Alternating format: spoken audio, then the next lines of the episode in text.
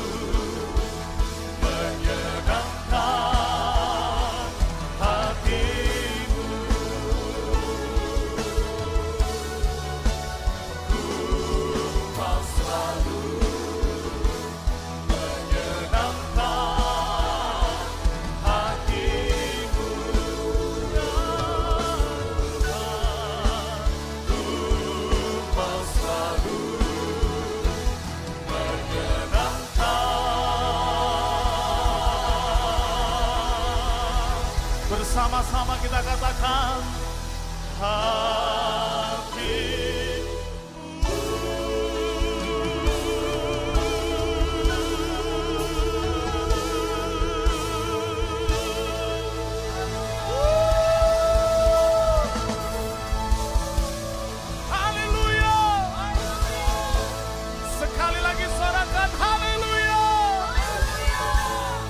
dalam nama Tuhan Yesus menerima hadirat Tuhan Menerima kuasa dari Tuhan Bersama-sama di dalam nama Yesus kita katakan Amin Bisa berikan tepuk tangan yang meriah bagi Allah kita Haleluya Haleluya Sungguh indah dalam hadirat Tuhan Selanjutnya kita akan bersama-sama mendengarkan pesan Tuhan melalui hambanya pembina rohani kita, Bapak Pendeta Dr. Insinyur Niko Nyotora Harjo. Selamat mendengarkan dan Tuhan Yesus memberkati.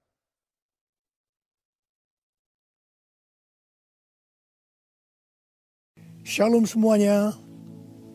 Saya akan mengajak saudara untuk membaca 1 Tesalonika 4 ayat 16 sampai dengan 18. Mari kita baca. Sebab pada waktu tanda diberi, yaitu pada waktu penghulu malaikat berseru dan sangka kalau Allah berbunyi, maka Tuhan sendiri akan turun dari sorga dan mereka yang mati dalam Kristus akan lebih dahulu bangkit. Sesudah itu kita yang hidup yang masih tinggal akan diangkat bersama-sama dengan mereka dalam awan menyongsong Tuhan di angkasa. Demikianlah kita akan selama-lamanya bersama-sama dengan Tuhan. Karena itu hiburkanlah seorang akan yang lain dengan perkataan-perkataan ini. Ayat-ayat yang kita baca ini berbicara tentang kedatangan Tuhan Yesus. Dikatakan akan ada dua tanda terjadi sebelum Tuhan Yesus datang. Tanda yang pertama, seruan penghulu malaikat. Tanda yang kedua, sangka kala Allah berbunyi. Setelah itu Tuhan Yesus akan turun dari sorga ke awan-awan. Ketika Tuhan Yesus datang di awan-awan, maka yang mati di dalam Tuhan, juga kita sebagai orang percaya yang masih hidup, akan diangkat untuk bertemu Tuhan Yesus di angkasa. Demikianlah kita akan bersama-sama dengan Tuhan Yesus selama-lamanya. Kata diangkat dalam 1 Tesalonika 4 ayat 17 diambil dari bahasa Yunani harpaso yang memiliki padanan kata dalam bahasa Latin yaitu raptu yang artinya diangkat terbawa atau diangkat ke atas. Peristiwa pengangkatan yang dijelaskan di ayat ini di dalam kitab 1 Korintus 15 menunjuk kepada pengangkatan gereja dari bumi untuk menyongsong Tuhan di angkasa. Yang terangkat adalah umat yang setia dari gereja-gereja Kristus, yaitu mereka yang menjadi serupa dengan gambar Yesus. Artinya yang terangkat adalah murid-murid Tuhan Yesus.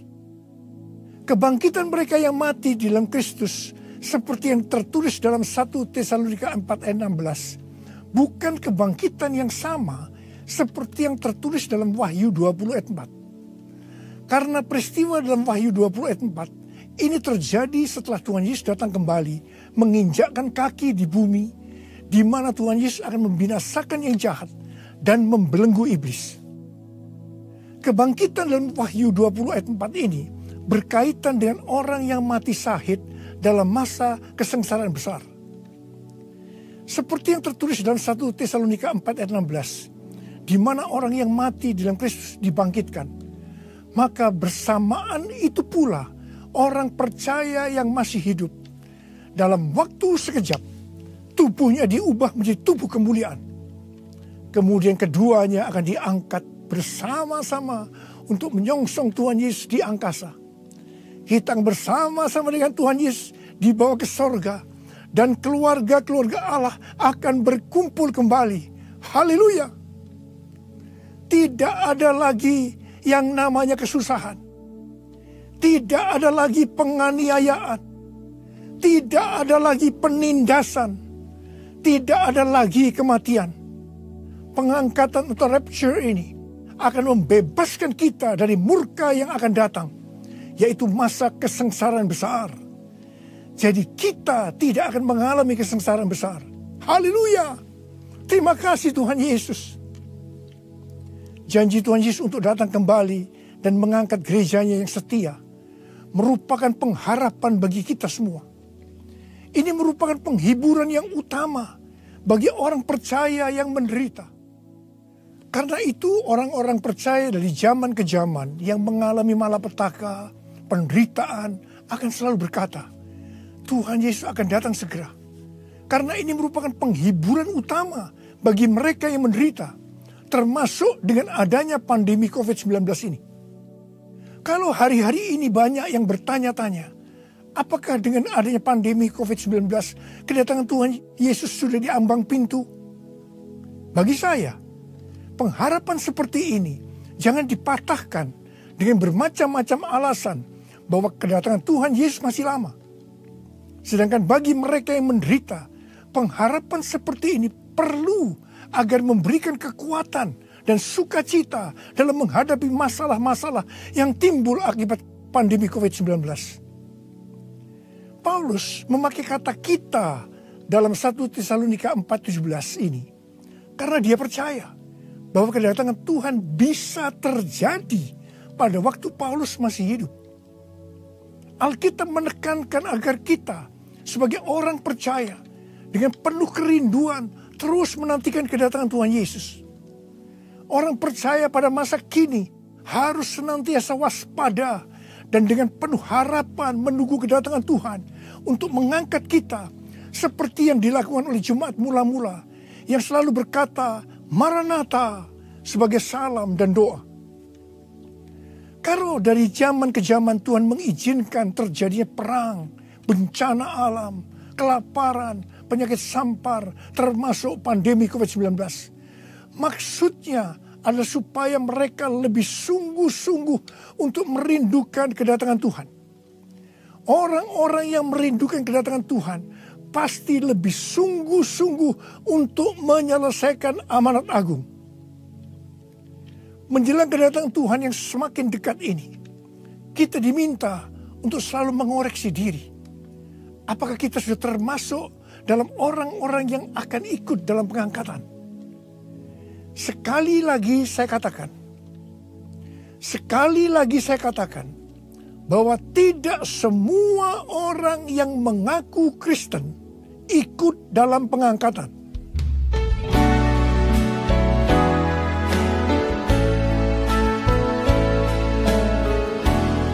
Ujilah aku Cobalah aku Tuhan. Selidiki batinku dan hatiku. Mataku tertuju padamu. Aku cinta padamu Tuhan. Aku rindu hadiratmu Tuhan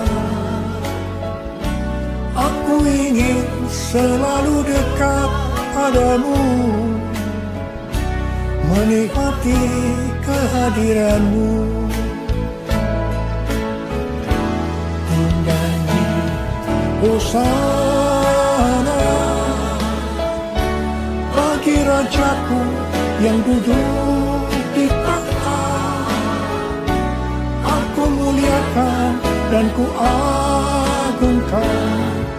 Yang disembah Kaulah yang disembah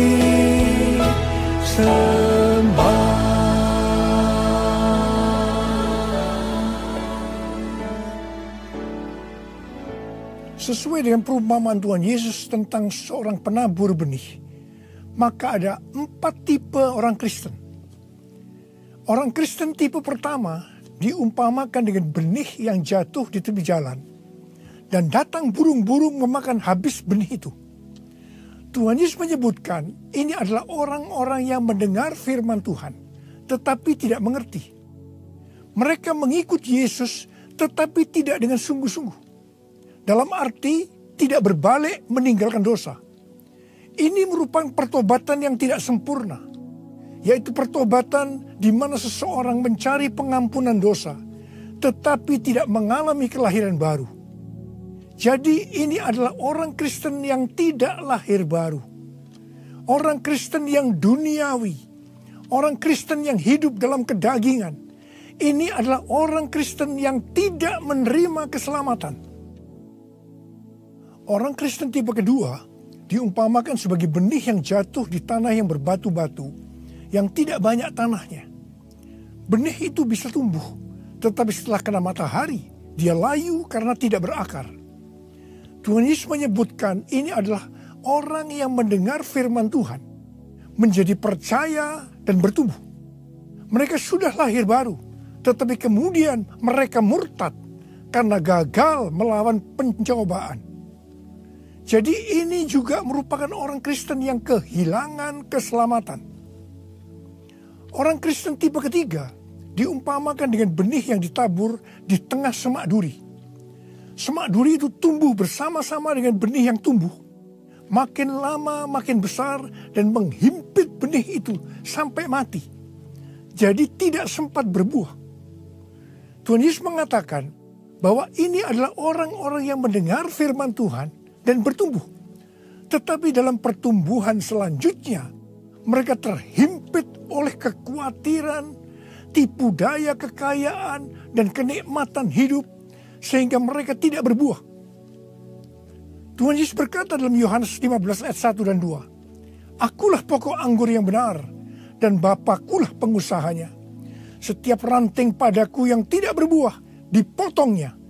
Dan setiap ranting yang berbuah, dibersihkannya, supaya ia lebih banyak berbuah ranting yang dipotong akan jatuh ke tanah, lalu menjadi kering, dikumpulkan orang, dan dicampakkan ke dalam api, lalu dibakar. Jadi orang Kristen yang tidak berbuah akan kehilangan keselamatan. Kitab Wahyu 3 ayat 14 sampai dengan 22 merupakan pesan Tuhan Yesus kepada jemaat di Laodikia. Jemaat di Laodikia adalah jemaat yang kaya secara materi. Mereka berdagang emas, salep mata yang sangat terkenal, dan juga berdagang baju-baju. Dan mereka berkata, aku kaya, dan aku telah memperkayakan diriku, dan aku tidak kekurangan apa-apa. Tapi Tuhan Yesus berkata kepada mereka, Aku tahu segala pekerjaanmu. Engkau tidak dingin dan tidak panas. Alangkah baiknya jika engkau dingin atau panas. Jadi karena engkau suam-suam kuku dan tidak dingin atau panas, aku akan memuntahkan engkau dari mulutku. Jadi, tipu daya kekayaan dan kenikmatan hidup akan membuat orang Kristen menjadi suam-suam kuku dan tidak berbuah. Itu akan dimuntahkan oleh Tuhan Yesus. Artinya, mereka akan kehilangan keselamatan kalau mereka tidak bertobat. 1 Timotius 6 ayat 9 dan 10 berkata, Tetapi mereka yang ingin kaya terjatuh ke dalam pencobaan, ke dalam jerat, dan ke dalam berbagai-bagai nafsu yang hampa dan yang mencelakakan, yang menenggelamkan manusia ke dalam keruntuhan dan kebinasaan. Karena akar segala kejahatan ialah cinta uang. Sebab oleh memburu uanglah beberapa orang telah menyimpang dari iman dan menyiksa dirinya dengan berbagai-bagai duka. Jadi hati-hati dengan tipu daya kekayaan dan kenikmatan hidup. Karena itu bisa membuat orang kehilangan keselamatan.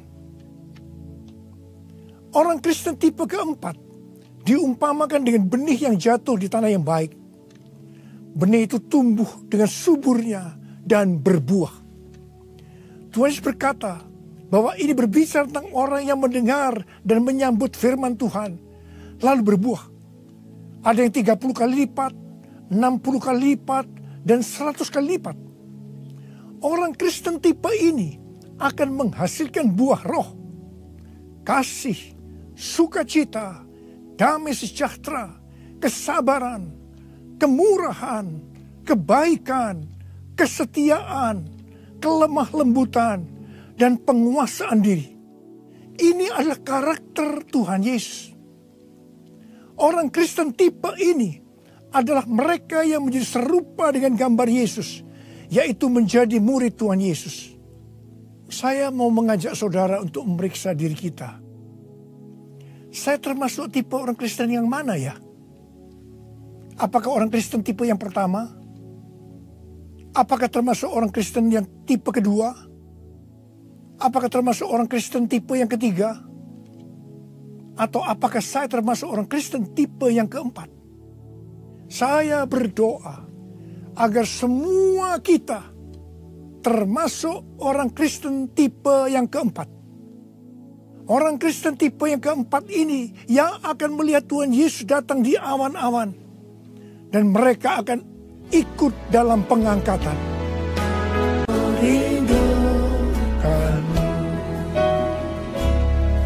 Ku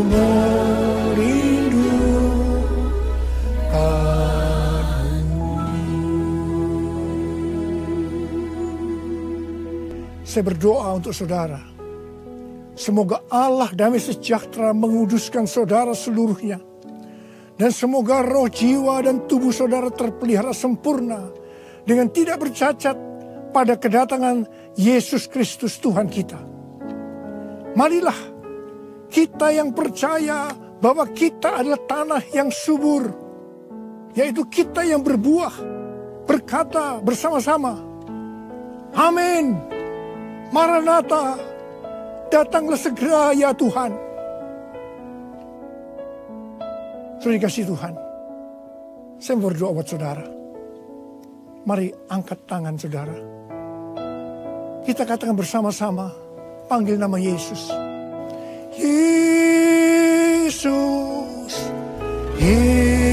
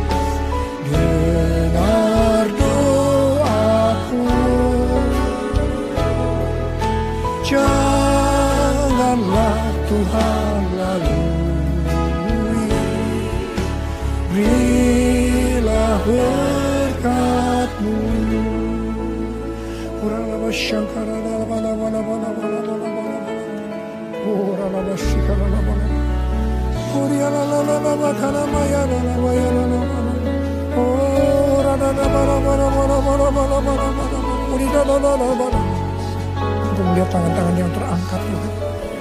Tuhan kau mengasihi anak-anakmu. Kau mengasihi anak-anakmu. Kau melihat keadaan mereka satu persatu ya Tuhan. Kau tidak pernah meninggalkan mereka. Mungkin mereka saat ini kebingungan, ada yang ketakutan, khawatir ya Tuhan. Malah ada yang depresi, Tuhan kasihani mereka ya Tuhan.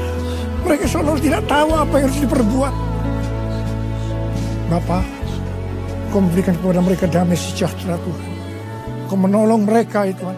Di tengah-tengah pandemi COVID-19. Tidak ada yang sakit ya Tuhan. Tidak ada yang berkekurangan. Semua dicukupkan oleh Tuhan, malah berkelimpahan dalam segala hal. Hamba berdoa buat anak-anakmu. Biarlah mereka berbuah-buah dengan lebatnya. Sehingga pada saat engkau datang, mereka ikut diangkat bersama-sama. Dan bertemu dengan engkau, Raja di atas segala Raja, di awan-awan. Dan selanjutnya bersama-sama dengan Tuhan Yesus selama-lamanya. Terima kasih Abah. Yesus, Yesus,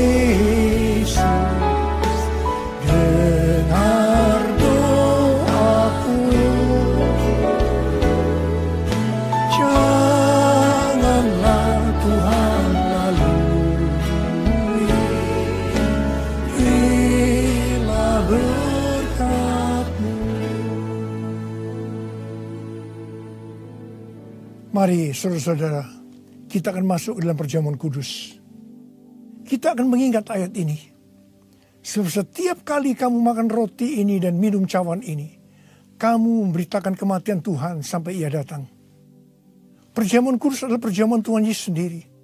Setiap kali kita masuk dalam perjamuan kudus, Tuhan Yesus selalu berkata, biarlah ini menjadi peringatan akan aku. Karena itu mari, arahkan hati saudara kepada kebaikan Tuhan. Kita akan mengingat kebaikan Tuhan. Mari tundukkan kepala. Bapa, siapakah kami ini Tuhan sebelum kami mengenal Engkau? Kami semua orang berdosa. Upah dosa adalah maut, mati. Tapi Engkau yang tidak berdosa telah jadikan dosa oleh karena kami. Engkau harus turun dari surga mulia menjelma menjadi manusia untuk mati ganti kami dengan penderitaan yang luar biasa. Sungguh betapa baik yang kau ya Abah. Betapa baiknya engkau ya Abah. Kau jadikan kami sebagai anak-anakmu. Engkau tuntun, engkau bela, engkau lindungi. Engkau sembuhkan kami. Engkau hiburkan kami. Engkau juga tegur kalau kami salah. Itu engkau ya Abah. Itu engkau ya Abah. Saudara, Tuhan akan memberkati kita semua melalui perjamuan kudus. Tapi Tuhan mau kita makan dan minum dengan cara yang benar. Karena itu masing-masing sekarang berdoa. Lihat keadaan dirimu masing-masing. Introspeksi. Kalau ada dosa yang Tuhan ingatkan saat ini. Langsung minta ampun. Langsung minta ampun supaya engkau diberkati oleh Tuhan. Tuhan ampuni kami. Engkau melihat anak-anakmu semua yang saat ini sedang minta ampun kepadamu. Ampuni mereka ya Tuhan. Ampuni, ampuni kami semua ya Tuhan. Ampuni, ampuni anak-anakmu. Tuhan terima kasih. Terima kasih ya Tuhan. Layakkan kami masuk dalam perjamuan kudus. Kami akan masuk dalam perjamuan kudus dengan hati yang penuh ucapan syukur. Dalam nama Yesus kami berdoa. Amin. Sekarang saudara, mari. Kita angkat roti di tangan kanan kita tinggi-tinggi. Sebab apa yang telah kuteruskan kepadamu telah aku terima dari Tuhan. Yaitu bahwa Tuhan Yesus pada malam waktu ia diserahkan mengambil roti. Dan sesudah itu mengucap syukur atasnya. Dia memecah-mecahkannya dan berkata, Inilah tubuhku yang diserahkan bagi kamu. Perbuatlah ini menjadi peringatan akan aku. Sudah kasih Tuhan. Bukankah roti yang kita pecah-pecahkan ini adalah persekutuan kita dengan tubuh Kristus? Mari kita makan dalam nama Yesus.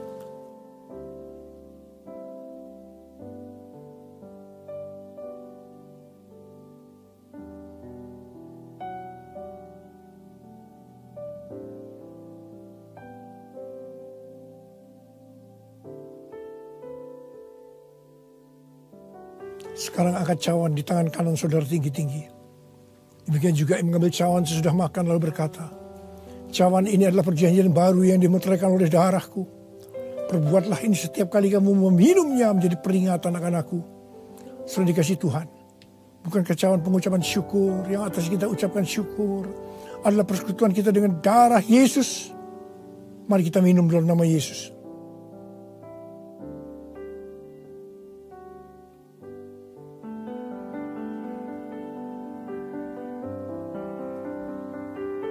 Ucapkan syukur dan terima kasih.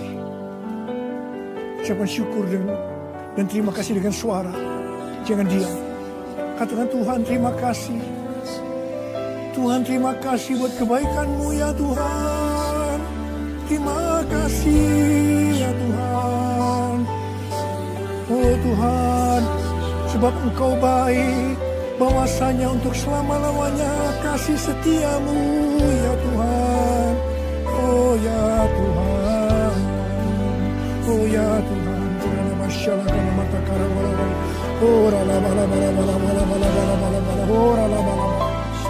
Kau baik ya Tuhan Kau baik ya Tuhan Terima kasih, terima kasih Bahwasanya untuk selama-lamanya kasih setiamu ya Tuhan Ya Tuhan, ya Tuhan, ya Tuhan Oh terima kasih, terima kasih Yesusku Terima kasih Yesusku Puji syukur hanya bagi Tuhanku.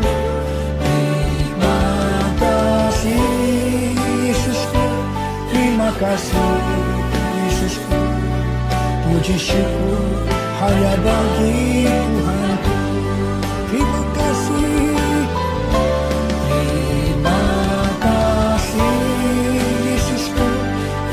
kasih Yesusku Puji syukur hanya bagi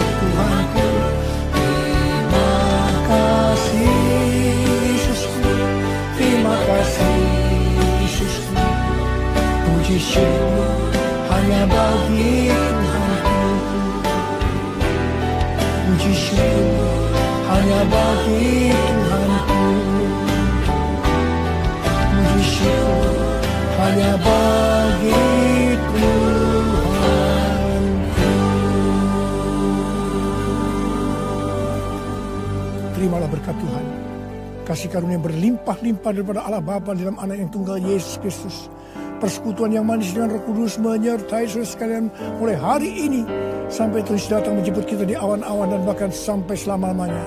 Yang percaya bersama-sama katakan amin.